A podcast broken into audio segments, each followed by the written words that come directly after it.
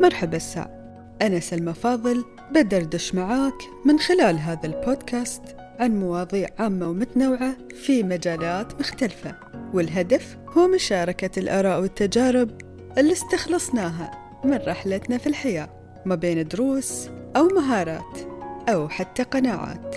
وفي كثير من المرات بستعين بآراء فئات مختلفة من المجتمع من خلال استطلاعات الرأي والاستبيانات واللي بستعرض نتائجها في حلقات هذا البودكاست. اسمعني على دربك وأتمنى إنك تستمتع وتستفيد.